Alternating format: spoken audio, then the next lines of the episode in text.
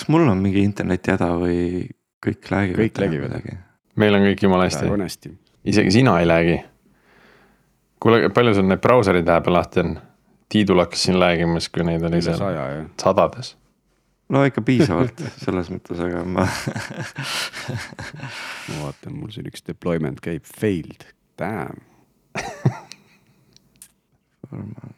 midagi tõmbab ja kakssada megasekundis praegu vahepeal.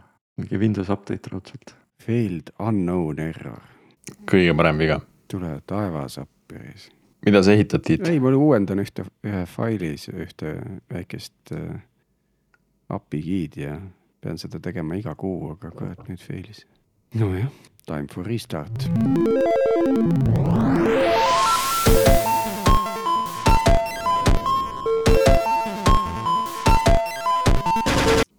Tere jälle Algorütmi kuulama, eetris on meie kahesaja kahekümne teine episood, mille toovad teieni Pipedrive, Nortal ja Veriff. mina olen Priit Liivak ja täna koos minuga stuudios Martin Kapp ja Tiit Paananen.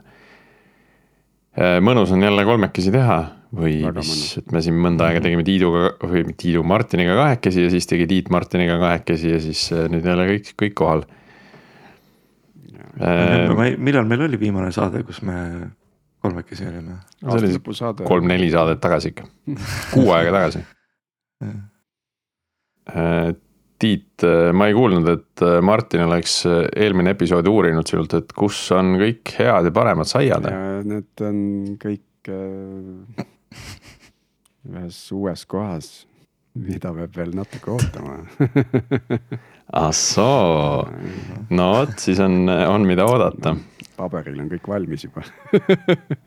väga põnev, väga põnev ehm,. aga tänane episood, mida me siis siin kolmekesi räägime või tegelikult neljakesi, sest meil on külaline ka mm,. oleme taas hariduse lainel. nimelt siis äh, möödunud aasta ajujahi finalist Cerebrum Hub on ettevõte, kes arendab äh, ümberõppeplatvormi töötavatele täiskasvanutele ja see võimaldab siis neil teha karjääripöörde tehnoloogiasektorisse ja asuda äh, ametikohalt testijateks. kuidas siis täpsemalt Cerebrum Hub seda teeb ja mida oli vaja, et ajujahi finaalini jõuda. sellest räägib meile täna äh, Cerebrum Hubi tegevjuht Andres Gavriljuk, tere Andres. tere, tere. teeme meie kuulajatele sellise tavapärase sissejuhatuse ka ikkagi, et et täna on Cerebrum Hubis, aga millega sa varem tegelenud oled, et kui, mis mis su taust on? esmaselt äh, rõõm siin olla ja teiega tutvuda. et äh, minu taustaks siis nii palju, et äh, viimased kümme aastat olen äh, olnud seotud IT-valdkonnaga. kunagi kümme aastat tagasi hakkasin äh, töötama juunior Linux administraatorina, siis peale seda äh, üsna kiiresti hakkan tegelema, hakkasin tegelema rohkem projekti juhtimisega ja äri ja süsteemi analüüsiga.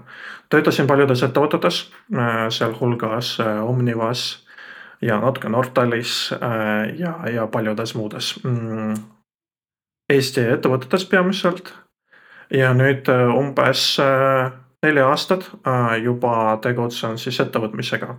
et äh, mul on oma selline väike tarkvaraarendusettevõte kus äh, meie arendame igasuguseid asju peamiselt siis fin- finantsvaldkonna ettevõtete jaoks.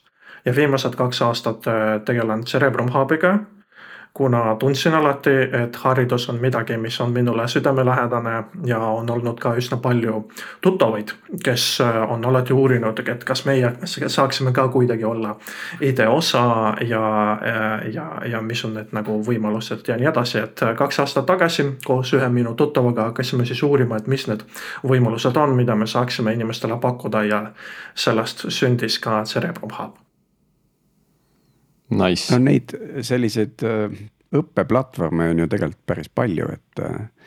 et, et äh, kas oli mingi konkreetne põhjus, miks oli vaja enda oma ehitada? Mhm.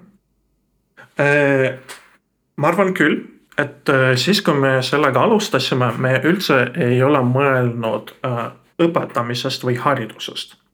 see mure, mis meil laual on olnud, on kuidas üks täis, täiskasvanu inimene saab äh, endale leida esimest tööd IT-valdkonnas. ehk ütleme nii nagu töö leidmise mure. Ja siis, kui me hakkasime uurima ja vaatama, mis üleüldiselt turul pakutud on, siis me oleme avastanud, et seal on üsna palju igasuguseid koolitusvõimalusi ja haridusvõimalusi, aga nende võimaluste peamine äh, sisuline eesmärk, mida sulle koolituspakkujad pakuvad või tahavad pakkuda, on äh, koolitus. Ehk nagu sisu. äh, kuid kui me suhtleme inimestega, siis me saame aru, et sisu või see teooria ja isegi praktika ei ole kõik, mis on vajalik töö leidmiseks. ja siis meie panime endale eesmärgiks, et me tahaks luua ettevõtte, mis on nagu eesmärgipõhine.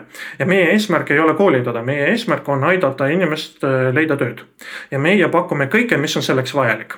ja siit me hakkasime ehitama need komponendid ja tänu sellele meil õnnestus arendada üsna unikaalne supp või kompott mm -hmm. erinevatest komponentidest, mida või võib-olla täna ka rohkem mhm. arutame mm okei okay,, väga põnev oota, aga noh, võtame siis äh, täitsa algusest peale, et millega siis täna see Cerebrum Hub tegeleb, et. Äh, et kui sa ütlesid, et see on, see on siis äh, nii-öelda komplekt asju, mis aitavad inimesel leida tööd. Aga mm -hmm. see, see ei ole ka nagu ju noh mitte igasugune töö, vaid, vaid see on üsna nagu spetsiifiline sektor, mida te sihtinud olete mm, -hmm. et, et mida, mis seal täpsemalt siis pakutakse sellele täiskasvanule, kes, kes plaanib mm -hmm. IT-sektorisse liikuda mm. -hmm. sisuliselt Cerebrum pakub äh, karjäärivahetuse süsteemi, võib nii öelda. see süsteem koosneb erinevatest komponentidest või süsteem või teekond. See süsteem koosneb erinevatest komponentidest, mida inimesel on vaja selleks, et leida töö. see kõik algab sellest, et me üldse harime, harime täiskasvanuid ja tutvustame nendele IT-valdkonda ja tutvustame nendele sealhulgas ka tarkvara testimist. et nad saaksid aru, kas see on nende jaoks õige valik kas see on üldse midagi, mis võiks nendele sobida. siis äh, peale seda me pakume ümberõppeplatvormi, kus inimesed saavad nii teoreetilisi kui ka praktilisi teadmisi. ja me paneme väga palju rõhku selleks, et anda inimestele võimalus harjutada ja saada praktiline kogemus.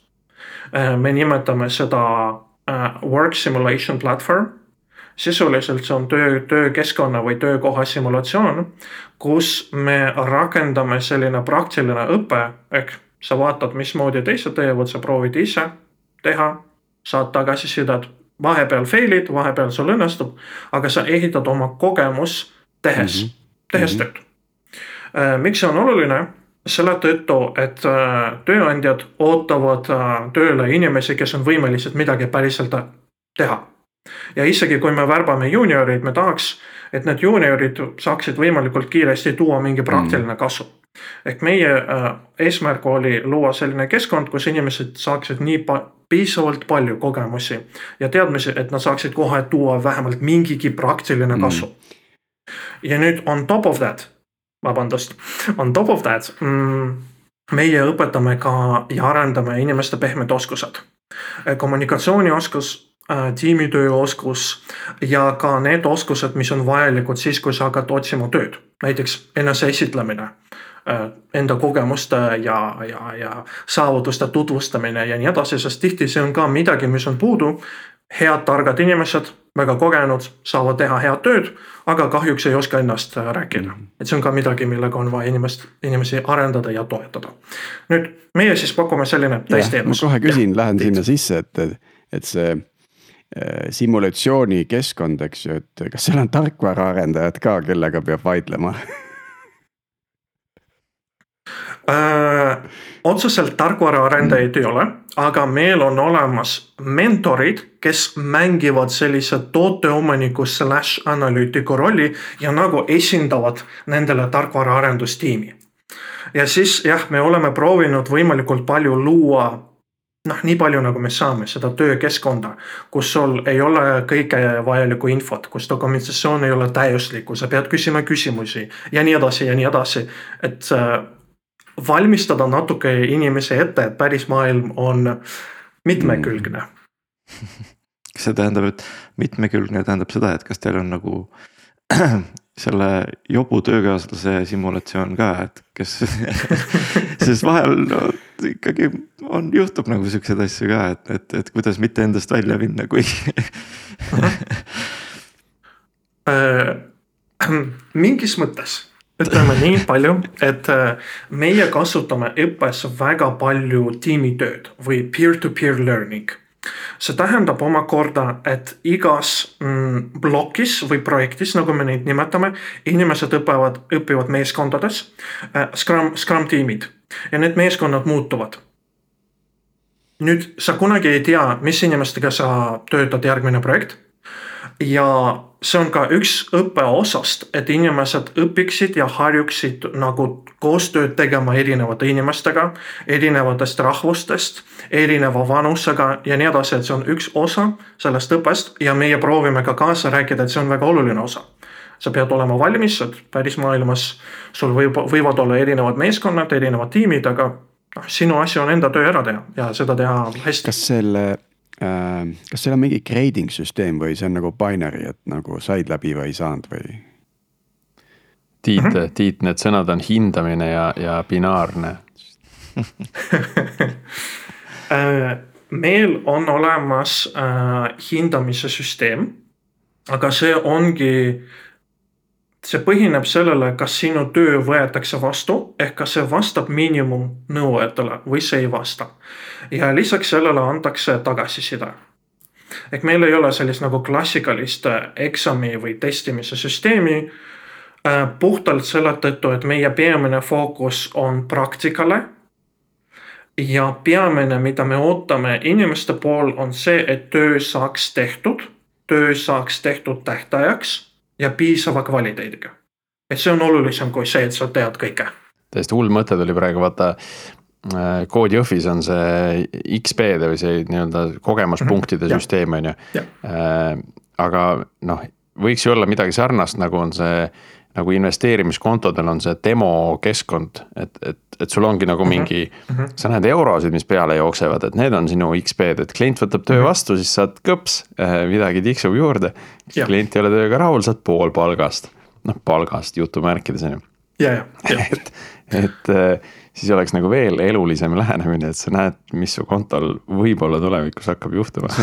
aga ähm, täna on peamiselt see asi keskendunud äh, tarkvara testijatele, eks ole. jah. siin, siin on kaks poolt, ma täpselt ei tea, kuhu poole, võib-olla alustame sealt, et, et kust see suund tuli, et äh,. et, et miks just, kas, kas lihtsam on teha nagu koolitusplatvormi või programmi just nagu testimise rollile või, või millest see otsus tuli?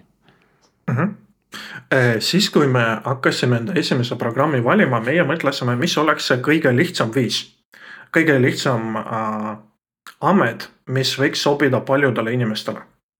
mis ei oleks liiga keeruline, samas on ka piisavalt vajalik turul.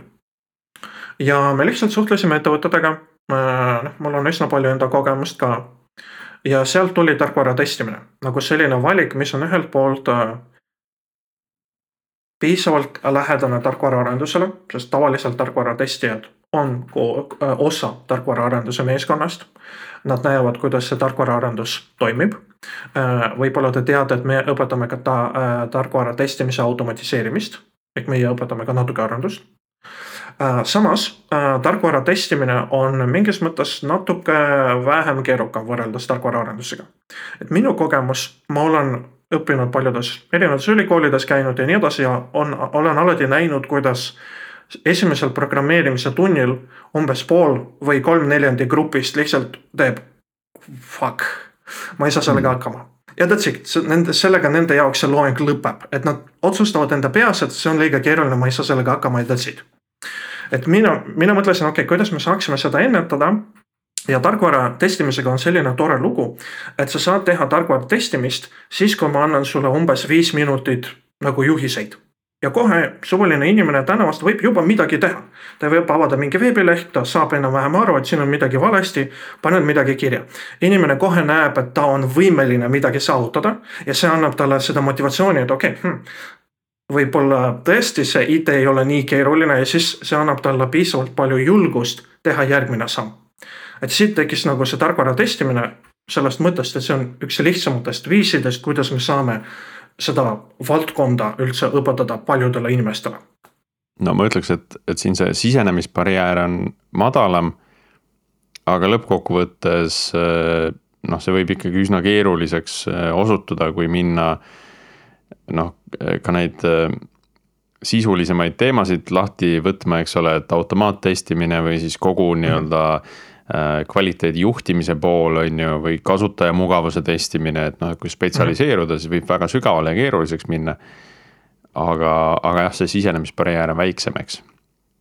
täpselt. nii ja teine küsimuse pool, mis ma, mis on täiesti teises teemas muidugi nagu ikka Äh, on, on see, et, et sa ütlesid, et äh, nad töötavad tiimides ja, ja Scrum tiimide, nii-öelda Scrumi järgi teevad nagu oma, oma projekte. Millised need projektid on, et kirjelda mulle natukene, et, et just, just ma tahan nagu aru saada seda, et, et kui sul on nagu täiesti testijatest koosnev tiim, äh, kes siis nagu Scrumis teeb oma asju. kus see arenduse pool tuleb, et kas, kas sealt tuleb ka nagu kas see projekt on nii üles ehitatud, et see nagu ajas ka muutub, et nad testivad midagi ära ja siis juhtub midagi ja siis nad saavad seda uuesti testida mm? -hmm. meil on viis erinevat projekti, äh, nendest kolm on äh, siis manual testing ja veel kolm automaattestimise, veel kaks automaattestimise projektit. näiteks esimene projekt on kõige lihtsam, see on selline toidu tellimise äpp kus, tea, saab siis restoranile esitada, mis toitu sa tahad tellida ja siis restorani pool nad saavad näha, mis need tellimused on ja saavad, seal on ka mingi tootehalduse funktsionaalsus ja nii edasi.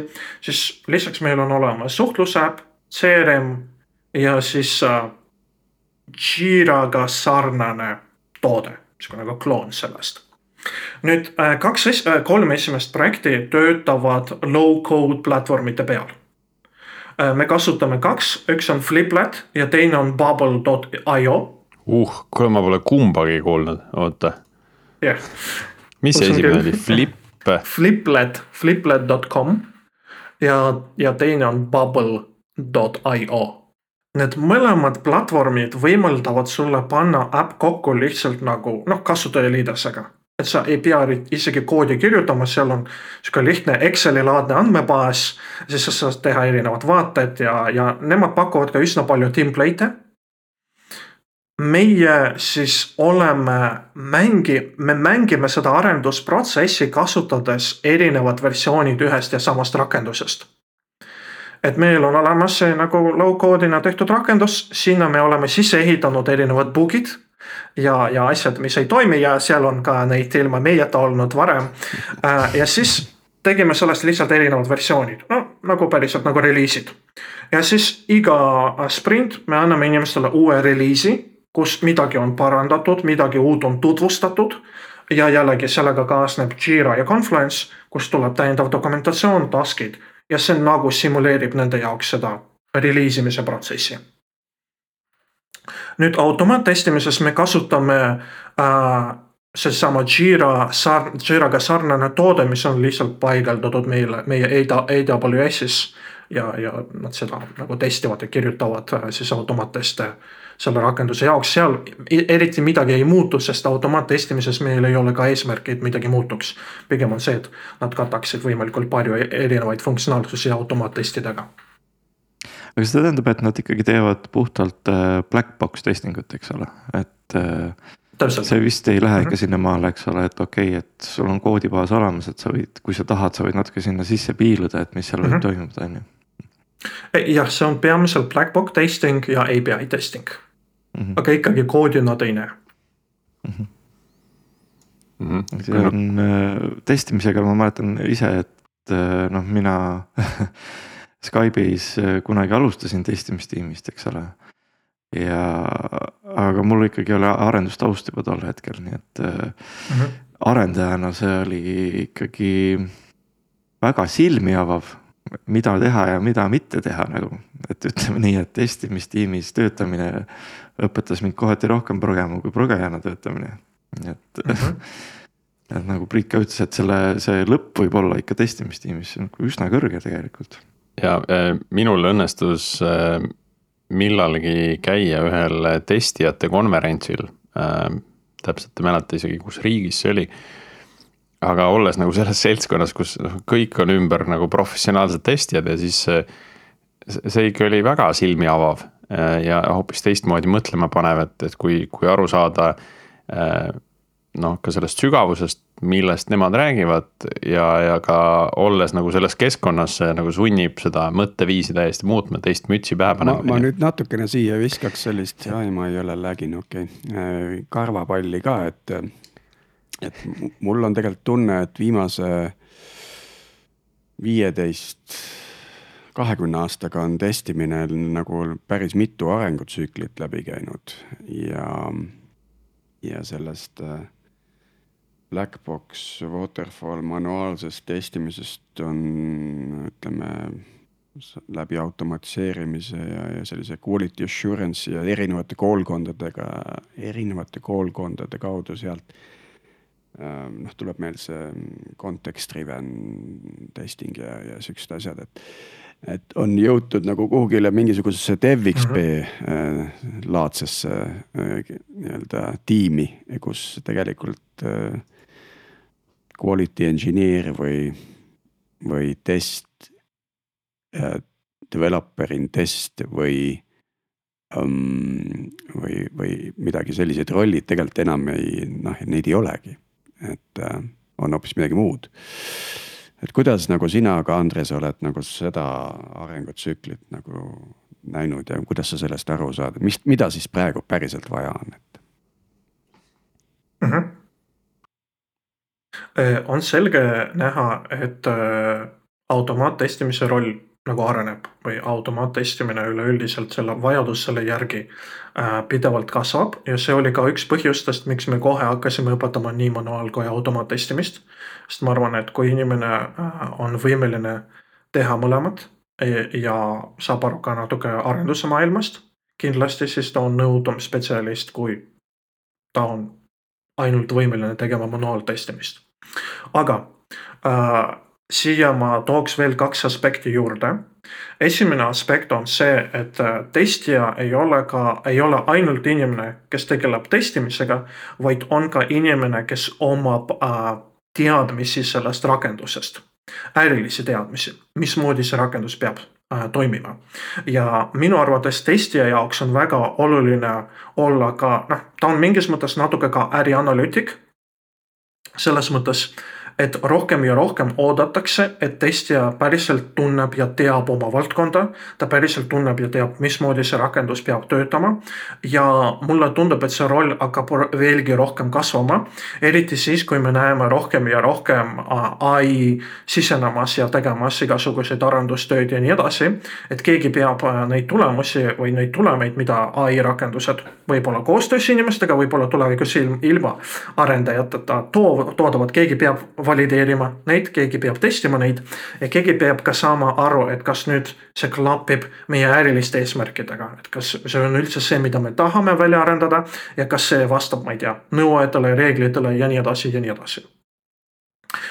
teine oluline osa on see, et äh, me juba mitu, ma ei tea, kümme või viisteist aastat kuuleme seda juttu, et äh, seda käsitsi testimist ei ole enam vaja, et arendajad testivad ise ja, ja kirjutavad koodi ja kõik töötab nagu magic. aga praktikas, äh, praktikas ei ole nii lihtne. et äh, või see võib-olla ei ole nii lihtne selle tõttu, et automaattestimine on ikkagi kallis, kallis lõbu. eriti siis, kui sul kogu aeg pidevalt midagi muutub, näiteks startup'is. ja kogu aeg kirjutada enda automaatteste ümber on vahepeal kallis paljudes ettevõtetes, kus sul on selline küps toode, võtame näiteks Microsoft, make sense. sul on enam-vähem küps toode, mis on elanud juba kümme aastat ja mis võib-olla elab veel kakskümmend aastat. sa kirjutad seal automaatteste ja automaattestid katavad sul peaaegu kõike. nüüd, kui sa oled mingi startup või mingi väikeettevõte, kes ma ei tea, täna me ehitame ühte asja, homme saame aru, et seda asja pole enam vaja ja siis me ehitame midagi muud sul on vaja kedagi, kes kiiresti vaataks asju üle, testiks, et kas kõik on korras ja me saaksime seda reliisida ja lisan siia juurde, et äh, kui ma nüüd ka vaatan enda kogemust äh, mm, riigi, riigiprojektidega. praktiliselt, praktiliselt mitte kuskil ma pole veel näinud, et automaattestimine oleks kasutusele võetud. sada protsenti mitte. selles, mina olen näinud et on, on, olen näinud ja olen teinud, aga, aga sada protsenti ei ole. ja mm, -hmm. ja mingi, seal, seal on ka teatav selline usalduse küsimus, et, et selleni on veel, ma arvan, pikk maa minna, kus automaattestimist usaldatakse täpselt sama leveliga, just nagu avalikus sektoris, et me ei räägi nagu üleüldiselt mm, -hmm. aga et. aa, et testid on rohelised, paneme laivi noh, et, et see on nagu, see, see võtab veel väga palju jala värisema, et äh, ükskõik kui head need testid on äh,. ikkagi nagu ja, ja, seal ei pruugi isegi olla nagu midagi sellega seot-, seoses, et et testitakse asju üle ja siis avastatakse, et äh, on mingi bugi. et isegi kui testitakse asju üle ja avastatakse, et aa, et siin võiks natukene teha teistmoodi, et siis oleks veidi parem. see on juba piisav põhjus, et noh, aga me ei taha, et selline asi laivi läheks, me tahamegi, et keegi selle üle vaataks, et me saaksime selle natukene parema asja lõpp, lõppkokkuvõttes on ju.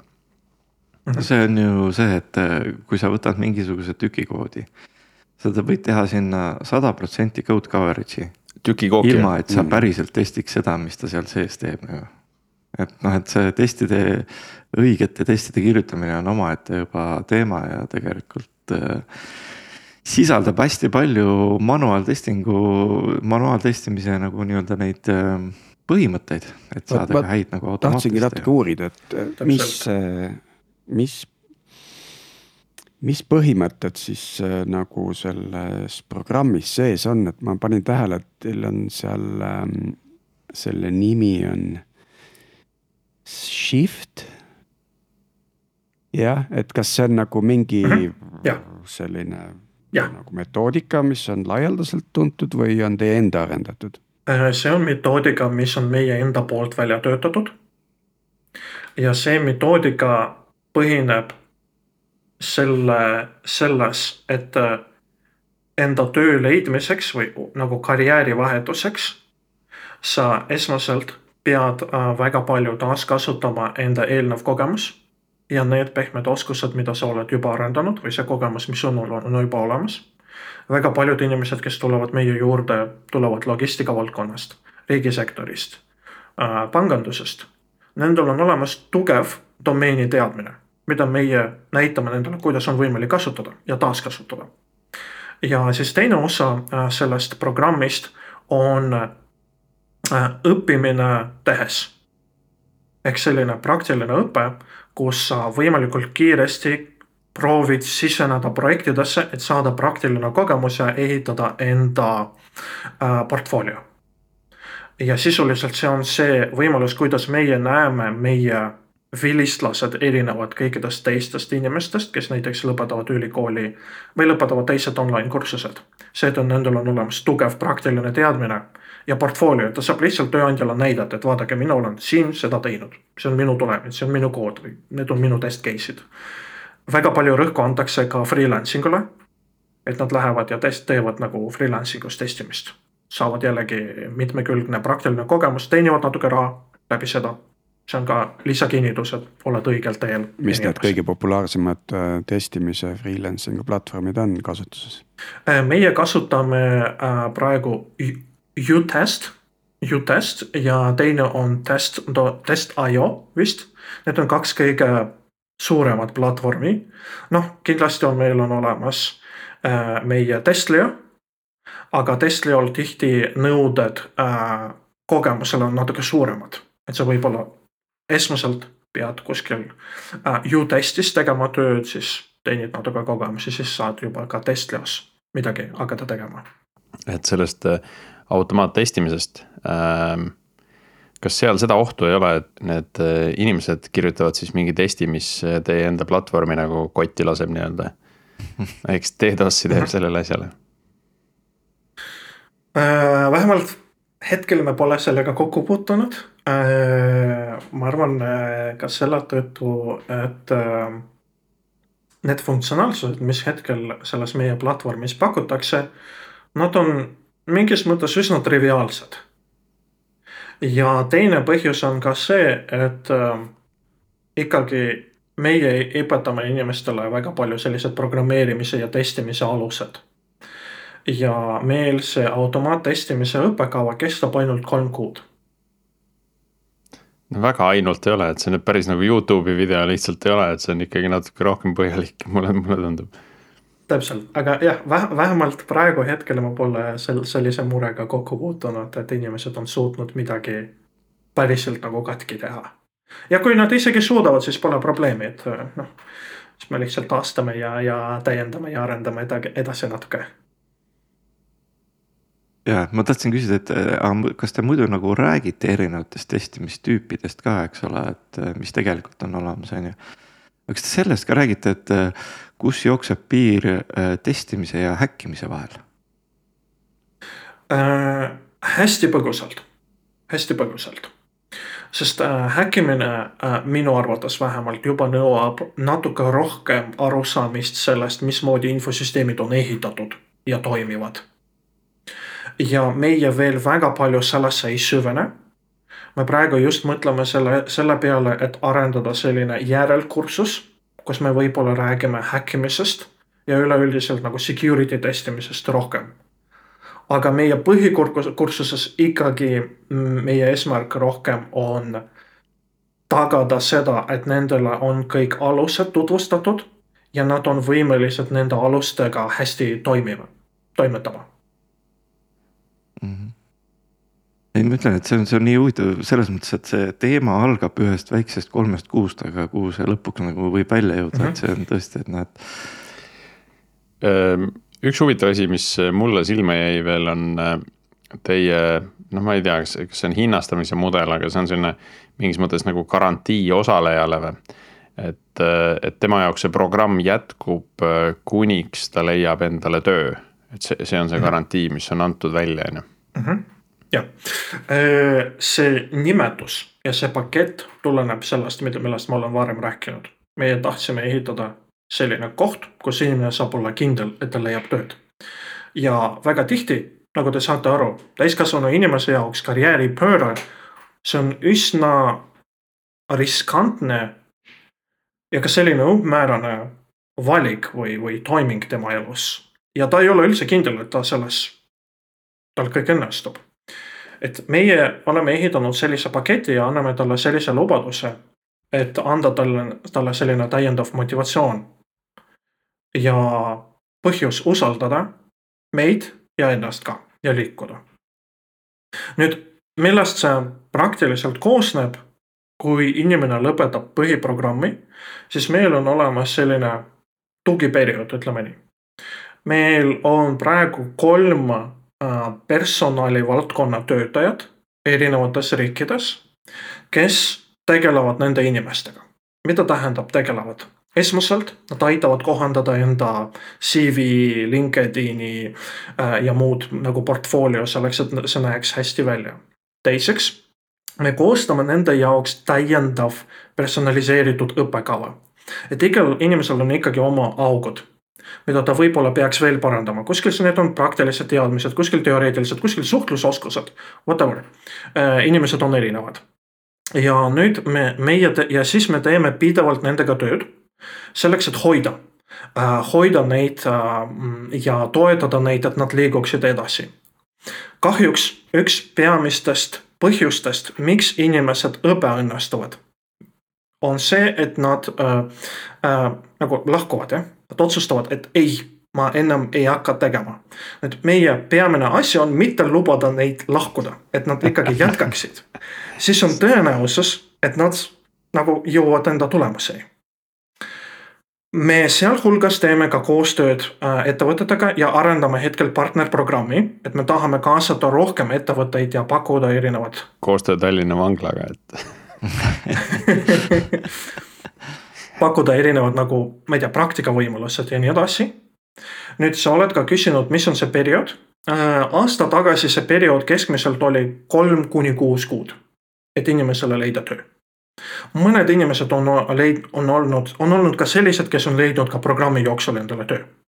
et nad on õppinud neli kuud ja, ja töö on leidnud hetkel on töö otsimisega natuke keerulisem, et hetkel see majanduslik olukord on teistsugune, ettevõtted värbavad vähem ja me näeme, et see periood hakkab pikenema.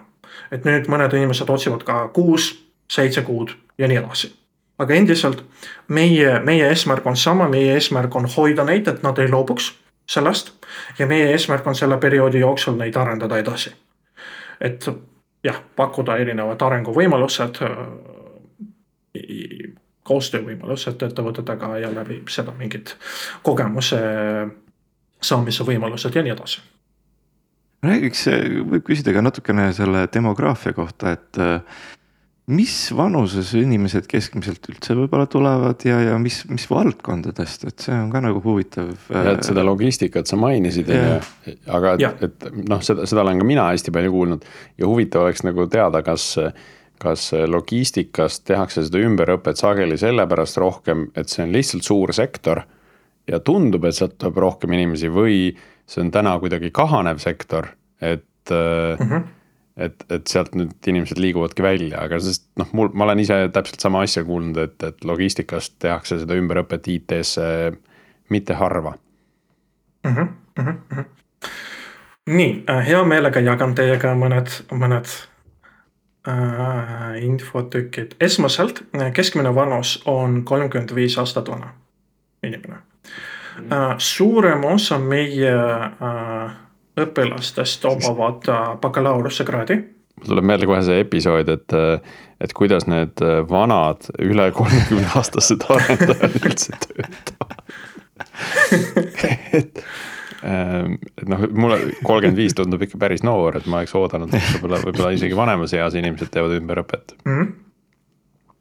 aga jah, praegu see keskmine vanus on, on kolmkümmend viis ja nagu ma ütlesin, äh, bakalaureusekraad üle, üle kaheksakümmend protsenti inimesi, kes tulevad, on, on, omavad bakalaureusekraadi.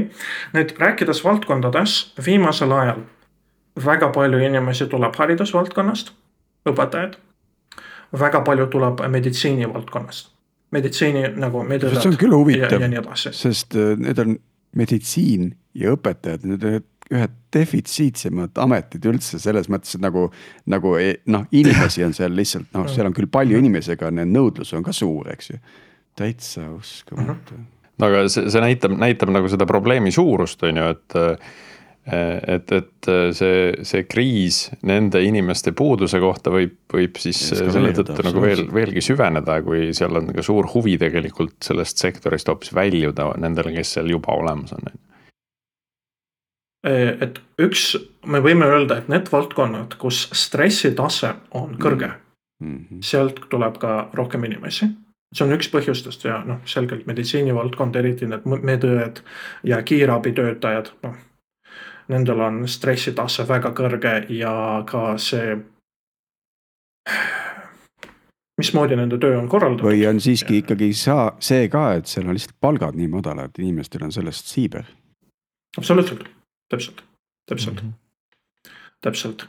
nüüd äh, üldiselt ei saa öelda, et on olemas mingi üks valdkond, et sealt tuleb väga palju inimesi. nii ei, nii ei saa öelda, et tulevad inimesed logistikast, tulevad inimesed pangandusest, tulevad äh, riigi, riigiasutuste töötajad. mida võib öelda, et nad on rohkem sellised äh, äh, et need on need tööd, mis on rohkem seotud kontoritööga või arvutitööga ehk meil ei tule väga palju ehitajaid näiteks. Praktiliselt üldse, üks, kaks, kolm inimest on olnud.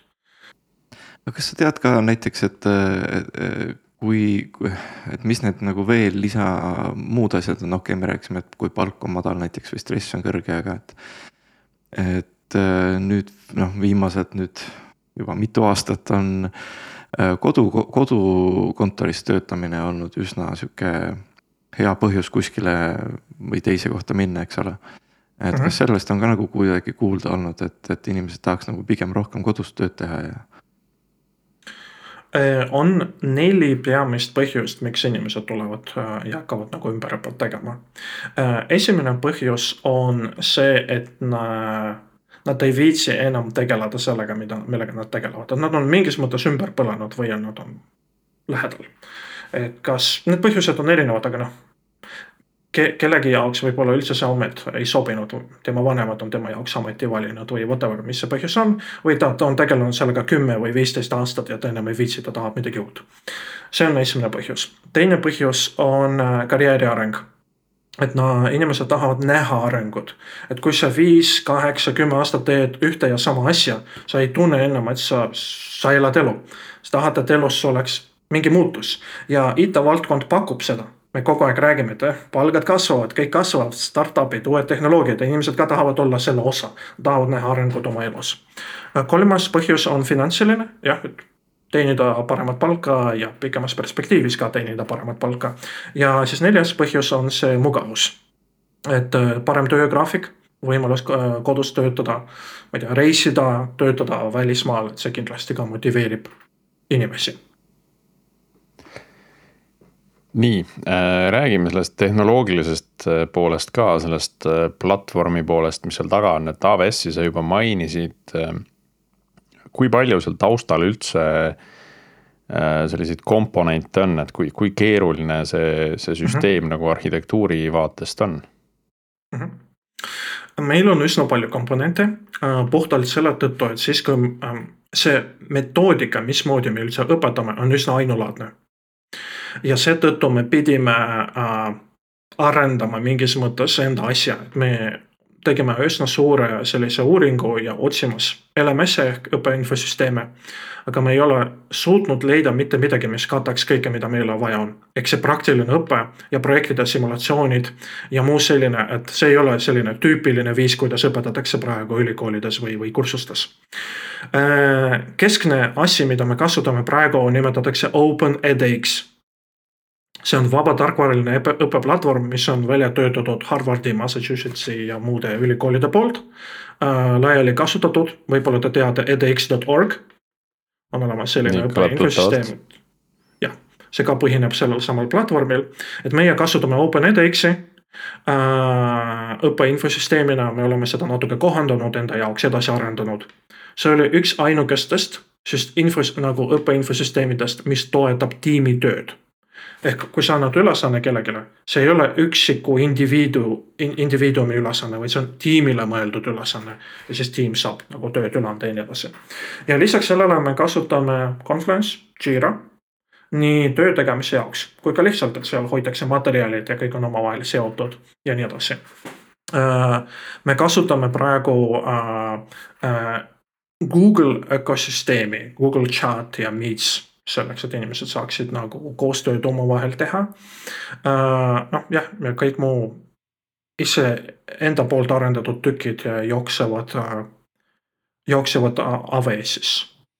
viimasel ajal me hakkasime ka üsna palju kasutama Open, OpenAI API selleks, et teha integratsioonid äh, ja hakata pakkuma noh, automatiseeritud tagasisidestamine ja tugi, et väga aktiivselt katsetame ja mängime sellega ka nii, äh, nüüd me siin ai-sse hüppasime. Äh, kaks poolt, äh, et kas ka õpetatakse, õppeprogrammis on täna sees näiteks ai kasutamine testimisprotsessis. noh, seal on ju samamoodi väga, väga laiad võimalused alates testandmete genereerimisest kuni kuni siis mingite loominguliste kasutusjuhtude mm -hmm. nagu genereerimiseni. jah, meie õpetame meie tutvustame sealhulgas chat-GPT ja, ja Google'i poolt see Bard ja, ja nii edasi. Äh, ja üleüldiselt äh, siin tuleb tõdeda, et kas sa tahad või ei taha, inimesed juba kasutavad seda õppeprotsessis. ja kui sa ei käsitle seda teemat, siis inimesed kasutavad seda pahatahtlikult. mis tähendab, et nad ei õpi, mis tähendab, et omakorda sa pead neid õpetama, mismoodi vahendi kasutada õigesti. et sa ise ka õpiksid ja saaksid aru, mis toimub Äh, ehk meie kasutame seda nii õppeprogrammi sees, äh, siis vahepeal puhtalt selleks, et inimesed saaksid äh, kuskil brainstorming us kasutada chat-GPT ja ta pakuks nendele erinevad muud mõtted, mille peale nad võib-olla ise ei ole jõudnud. ja ka näiteks koodi selgitamiseks, et kui sul on mingi jupp ei ole selge või, või, või sul ei ole kohe mentorit, kes sind toetaks, mine ja võta chat-GPT ja palu selgitada. chat-GPT on võimeline üsna hästi koodi selgitama täna mm, -hmm. mis omakorda toetab sinu arengut.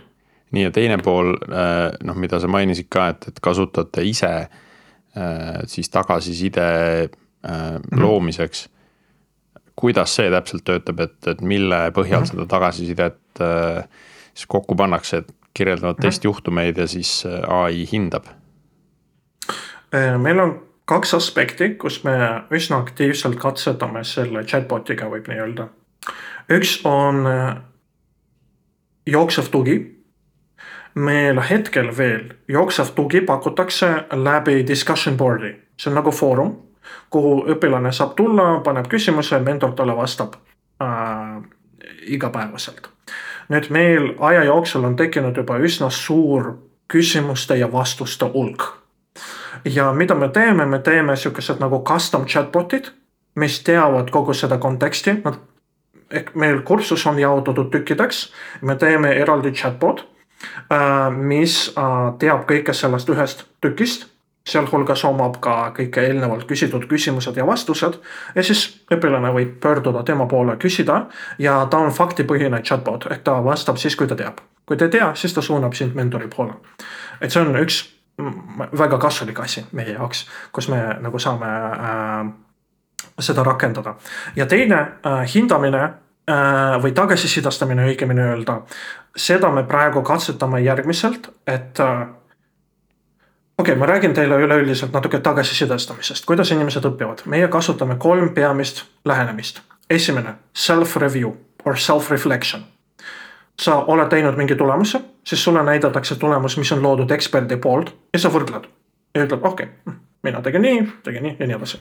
teine on peer review, sind hindavad ja tagasisidestavad teised õppijad jällegi saadab, saab mingi perspektiivi ja nii edasi. kolmas on mentori review, mentor tagasisidestab sinu tulemust ja nüüd neljas, mis sellele lisandub, on äh, ai poolne review.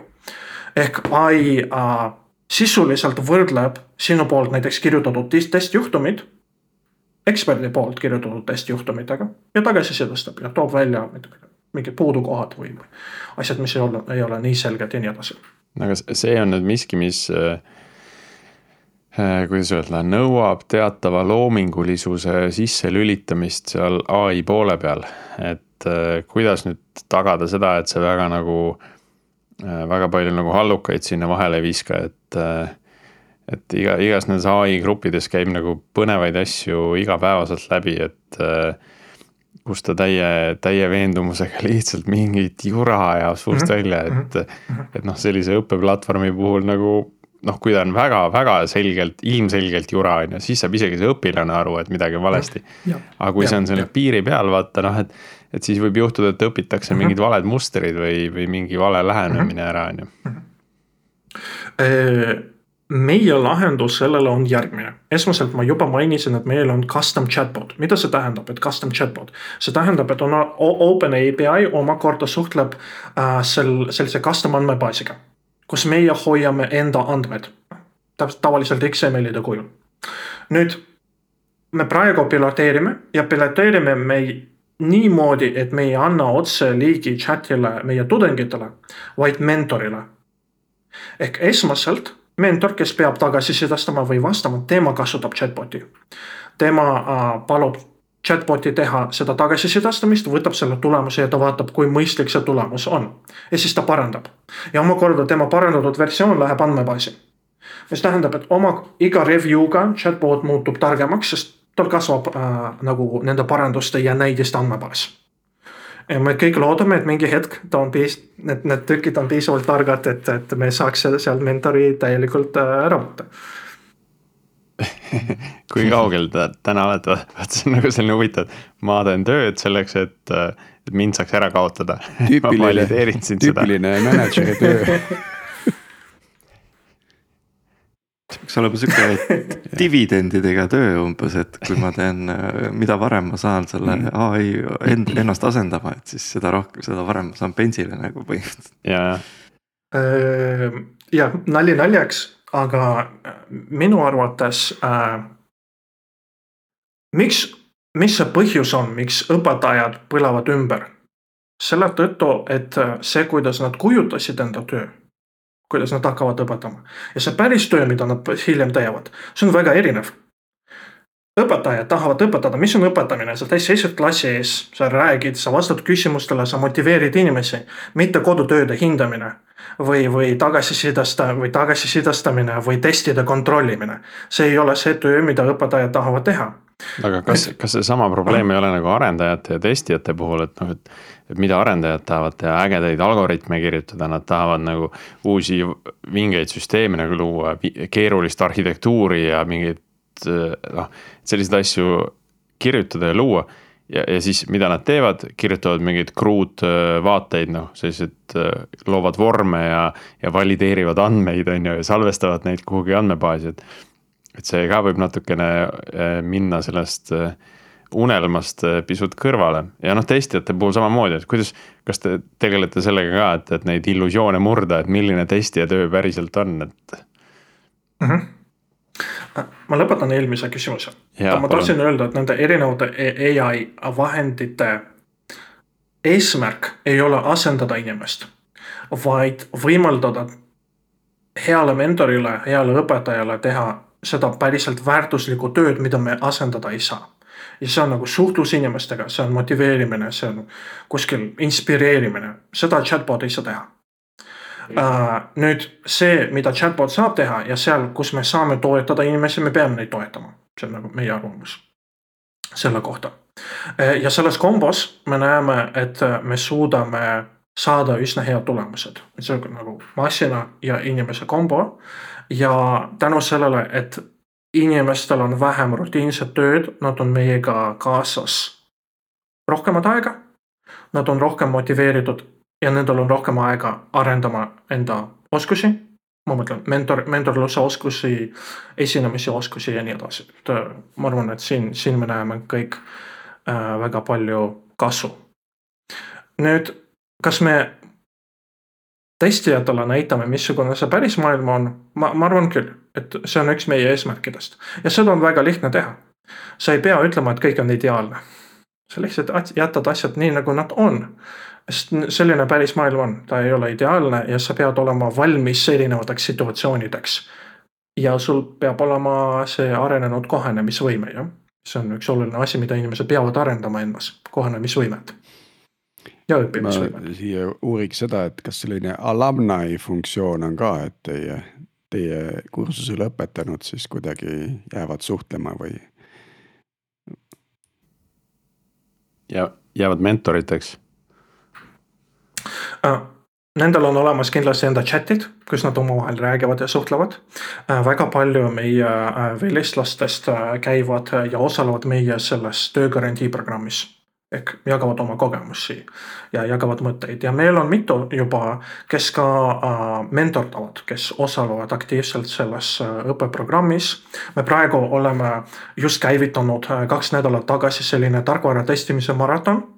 see on ühenädalane väga kiire ja väga odav programm nendele, kes lihtsalt tahavad midagi natuke teada tarkvara testimisest, et üldse saada aru, kas see kas see on mõistlik samm, et ma nüüd lähen seda tegema ja investeerin oma aega ja raha.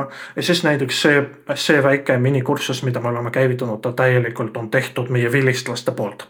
ja nemad ka seal osalevad ja jagavad oma kogemusi, mis omakorda on toeks teistele inimestele, et nad näevad, et okei okay, on olnud keegi teine mm, -hmm. kes on seda teed ära teinud. räägi mõni lugu, võib-olla sa ei pea muidugi nimesid ütlema, aga, aga keegi, kes on nagu ländinud nagu tõeliselt hea töökoha kuskil mille üle sa ise oled ka nagu uhke, et? Äh, ma arvan, et ma jagan ühe meie vilistlase lugu, kes on osalenud kohe meie esimeses Tribe'is, esimeses programmis. see meie esimene programm on olnud väga selline eksperimentaalne, võib öelda, ta peamiselt koosnes meie sõpradest ja tuttavatest. sealhulgas seal oli kaks meie äh, asutajate abikaasad ka et see vastutusläve äh, oli üsna kõrge. By the way, mõlemad on leidnud endale tööd, et äh, ühe minu kaasasutaja Margo Loori abikaasa äh, nüüd töötab avokaados. ja teine, teise minu kaasasutaja Vladimiri abikaasa töötab Playtechis aga meil oli veel üks sõber, äh, kes oli endine ka kooliõpetaja, meil olnud üsna palju kooliõpetajaid alguses. Mm, ja tema on pärit Hiinast. aga ta juba pikalt elab Eestis ja ta teab üsna hästi, valdab üsna hästi eesti keelt sealhulgas. ta õpetas koolis inglise keelt ja nüüd siis läks seda testimist äh, mm, õppima ja ta oli üks meie parimatest tudengitest ka selles grupis et võib-olla see tema Hiina mentaliteet, whatever, aga over delivery nagu ta tegi kaks korda rohkem tööd kui kõik teised, kaks korda rohkem testi, kaks korda rohkem kõike. meie arvasime, et ta leiab nagu tööd kohe, ta lõpetab kursuse, kohe läheb esimesele intervjuule, teda võetakse tööle. aga ta oli otsimas tööd üle kuue kuud ja meie mõtlesime ja otsisime ja proovisime saada aru, et mis toimub. Me teame, et super äge inimene, hästi teeb tööd, kõik on tore. ja siis me saime aru, et äh, kahjuks äh, meil on mõned äh, eelised, noh lihtsalt ole, noh siin kohal olevate inimeste tööle võtmise osas. et talle lihtsalt oli keerulisem saada tööle selle tõttu, et paljud inimesed ei ole üldse tema CV avanud. ja kui saadab oma see nagu application ja CV, siis nad vaatavad, seal on kirjutatud mingi Hiina nimi. That's it, keegi isegi ei vaata tema CV üle. ja siis ta tegi kuusteist intervjuud. ennem kui ta leidis tööd, aga ta leidis tööd, ta nüüd töötab Kühne Nagelis ja tal kõik on nagu väga edukas, sealhulgas ta nüüd õpetab ka meie programmis. et äh, ma arvan, et see on päris edulugu ja ka edulugu selles mõttes, et äh, tema jaoks see töö leidmise protsess oli moraalselt ja emotsionaalselt hästi keeruline. Et kui sa ei saa aru, mis toimub, sa teed kõik hästi, sa over deliver'id ja sa ei leia, et inimesed ei anna sulle seda võimalust, et mis siis minuga valesti on. et me pidime teda väga palju toetama ja ütlema, et ei ole midagi valesti, lihtsalt jätka ja lihtsalt proovi uuesti kuidas see välja üldse tuli, et äh, tema CV-d ei avata? me oleme suhelnud paljude värbajatega ja küsinud, mis põhjus võiks olla, kas sa võiksid vaadata. ja siis mm. nad kohe ütlesid, et äh, see põhjus on väga lihtne, et kui sa LinkedInis saadad nagu see enda äh, taotlus äh, tööle, siis seal on see nimekiri, siis automaatselt värbajad väga tihti lihtsalt kustutavad noh nime ja perekonnanime järgi sealt mm -hmm.. veits jõhker. kuni selleni, et praegu nagu te võib-olla teate, LinkedInis on automaatne filtreerimine. Et kui ma värban kedagi, siis LinkedInis ta peidab umbes kolmandik kõikidest inimestest, sest ta, LinkedIn arvab, et need ei ole head no. kandidaadid minu jaoks, ma isegi ei näe neid. päris hea hmm.. algoritmid arenevad selles mõttes ma ei tea, kas heas suunas just, aga. see on küll natukene murettekitav jah et no kui neid kandidaate on võib-olla, ma ei tea, kolmkümmend tuhat, noh siis äkki, aga noh, mingi sada jõuab ikka üle vaadata. no aga tegelikult, tegelikult siit on nagu siis nii-öelda pro tipp nagu värbajatele. võtke filter maha, sest kõigil mm. teistel on ka üks kolmandik ära peidetud. jah, mhm. et saada hoopis rohkem kätte. jah, siin lihtsalt peab arvestama ilmselge, et see, et see on rohkem tööd ja keerukam protsess aga välismaalastega peab ka arvestama. ja seal on väga palju häid talente ja mõned nendest isegi valdavad eesti keelt. Te lihtsalt ei tea sellest, aga te ei saagi teada ennem kui te vaatate nende CV-d või suhtlete nendega. just mm. -hmm. Äh, yeah. päris pöörane, tõmbas veits lukku ära sihuke hull lugu aga äh, võtame siia lõppu ühe teema veel, võtame, võtame selle tuleviku teema, et äh, mida tulevik Cerebrum Hubi jaoks äh, toob, et kuhu, kuhu siht on seatud, äh, mis järgmised suuremad äh, väljakutsed lahendamist vajavad mm? -hmm meie oleme, otsime praegu viisi, kuidas enda äri skaleerida. sest fakt on see, et see, mida me praegu teeme, see ei ole väga skaleeritav. et meil on piir, kui palju tudengeid me oleme võimelised sellel kujul õpetama aga maailmas on väga palju inimesi, kes vajavad ümberõpet ja ma kahtlustan, et see arv veelgi kasvab lähitulevikus. Nüüd me oleme avastanud, et on kindlad viisid, kuidas me võime muuta e-õppe efektiivseks ja interaktiivseks. ja praegu me otsime, kuidas me saame need vahendid ja need meetodid tootestada, et pakkuda teistele. me juba praegu see aasta teeme koostööd, oleme teinud koostööd Codihviga teeme koostööd BCS koolitusega, et äh, tootestada enda mudeli ja aidata neid luua sarnased programmid, kasutada samas, samad põhimõtted, aga teiste valdkondade jaoks.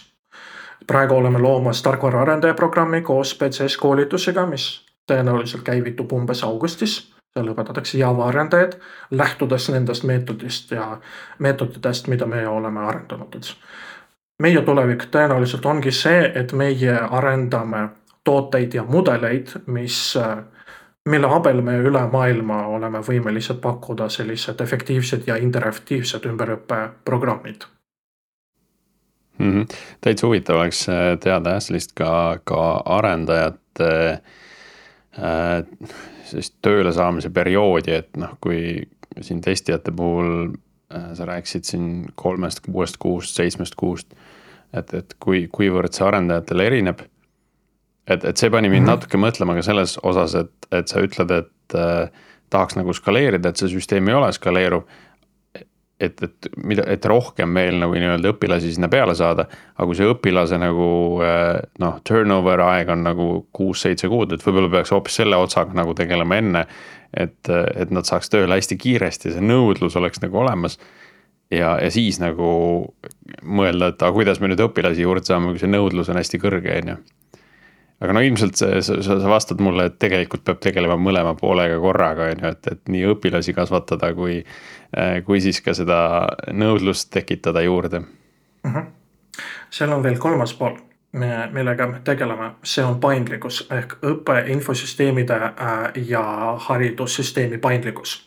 asi on selles, et äh, kõik väga kiiresti muutub ja me ei saa öelda, et me arendame mingi programmi ja nüüd ma ei tea, õpetame Java arendajaid ja järgmised kolmkümmend aastat meil on vaja Java arendajaid vaja. Ei ole nii, et äh, selleks, et see nõudlus oleks olemas, meil peab see ka, see, mida me pakume, peab vastama nõudlusele. Ja see, mida vajatakse, kogu aeg muutub. hetkel õppeprogrammide arendamine on keerukas ja aeganõudev asi lihtsalt nagu fakt, eriti heade programmide, kui sa tahad head interaktiivset programmi luua, see on mingis mõttes nagu filmi või, või mängu loomine, et sa pead kõike läbi mõtlema ja, ja ära testima ja nii edasi. ja me kindlasti peame leidma viise, kuidas me saame luua head ja efektiivsed õppeprogrammid kiiremini. et kõik saaksid kohaneda sellega ja, ja siis läbi seda me pakume inimestele midagi mida on päriselt vaja, siis kui nad lõpetavad selle kursuse, siis nad päriselt leiavad ka tööd sellega siin võiks olla tulevikus ka üks osa see, et äh, kui sul on äh, näiteks gümnaasiumi lõpuõpilane, kes mõtleb, et kas minna midagi õppima või kuskile tööle, et siis äh, ka nemad saaksid käia läbi korra Cerebrum Hubist, proovida, vaadata, mis neile meeldib. noh, kuidagi tihtipeale noortel on ikkagi see, et kool on läbi, aga mis nüüd paljud mm. teavad, mida teha, aga paljud mõtlevad selle välja ja tegelikult ikkagi ei tea, et nad. jah, jah. see on põnev asi on see, et äh, kui kümme aastat või kakskümmend aastat või viiskümmend aastat. sa enam-vähem olid võimeline ütlema, mida su laps näiteks peaks õppima. sest sa enam-vähem kujutasid endale, endale ette, mis tulevik toob ja keda on vaja. palun nüüd ütle, keda on vaja viie või kümne aasta pärast. ja mida sa enda lapsele ütled, et kelleks peab õppima aga võib-olla ei ole vaja inseneri kümne aasta pärast, et ai teeb kõik ise valmis, noh. meditsiinitöötajaid ja õpetajaid varsti et äh, kõik tulevad sealt sektorist ära, siis tõstetakse palgad ülesse ja siis ongi õige aeg sisenemiseks. aitäh, Andres, äh, Cerebrum Hubist rääkimast, äh, väga põnev teema igal juhul ja ma, ma ei teagi, kas, kas siin oleks nagu mingid call to action'id ka meie, meie äh, kuulajatele, et äh, et mina sain siit näiteks kaks uut low code, no code platvormi, millest ma polnud varem midagi kuulnud. aga, aga jään kindlasti ootama ka huviga äh, nii-öelda järgmisi arenguid just nagu tarkvara arendajate suunal. et ma arvan, et see on, see on väga positiivne lisa igal juhul koodi Jõhvile, mida juba kindlasti nähakse väga positiivse väärtusena Eesti ühiskonnale ka ja Eesti tööturule. et, et nüüd me saame ka nagu teised äh, rollid sinna kõrvale. Äh, ja kindlasti noh, ma arvan, et ei lahenda seda äh, tööjõupuuduse probleemi, aga mõnevõrra leevendab ehk ikka. minu jaoks oli uus mõte see, et, et õppeprogrammi arendamine on nagu filmi või mängu tegemine jaa, äh, see on, ma arvan, väga hea metafoor ja mulle see mängumetafoor eriti meeldib. sest ka seal asjad, mis tunduvad, et võiksid hästi töötada, ei pruugi hästi töötada, enne kui sa neid asju mhm. testid mm. -hmm. ja enne kui päris inimesed seda kasutavad ja siis nad annavad sulle tagasisidet, et. et see on jama, ma ei saa mitte midagi aru ja siis tuleb täiesti ringi mõtestada mingid asjad mm. -hmm. Kokkuvõtteks et kui juba kõik jagavad, mida õppida, mida õppisime siit, eks ole, siis tegelikult minule sümpatiseeris see osa, et, tõesti, et, et mida peaks ka võib-olla arvestama siis ülikoolides ja koolides. et ka need õpilased kasutavad chat GPT-d, et õpetage neid seda õigesti kasutama et äh, küsimus ei ole selles, et kas seda keelata või mitte. küsimus on selles, kuidas kõik saaksid sellest kasu. eks -hmm.. absoluutselt. Ja kindlasti kokkuvõtteks peab ütlema, et kõige olulisem oskus, mis äh, inimestele on vajalik hetkel ja läheb vajalikuks tulevikus, on õppimisvõime. oskus õppida ja õppida kiiresti ja kohaneda. see on väga oluline Äh, nii, aga aitäh, Andres, aitäh, äh, Tiit ja Martin, aitäh meie kuulajatele. kuulajatele tuletan veel meelde, et meil on Discordi kanal, millega liituda, on ka Facebooki grupp, millega liituda, kuhu tulevad siis teated uute episoodide kohta. praegu on backlog päris pikalt täis, aga sellegipoolest kutsun üles soovitama põnevaid tuttavaid, kellest te tahaksite veel kuulda Äh, algoritmis või põnevaid teemasid, millest äh, algoritm võiks rääkida. ja seni, kuni meie kuulajad neid asju välja mõtlevad ja meile neid teele saadavad, äh, siis meie küpsetame edasi järgmist episoodi. ja jääme taas kuulmiseni uuel nädalal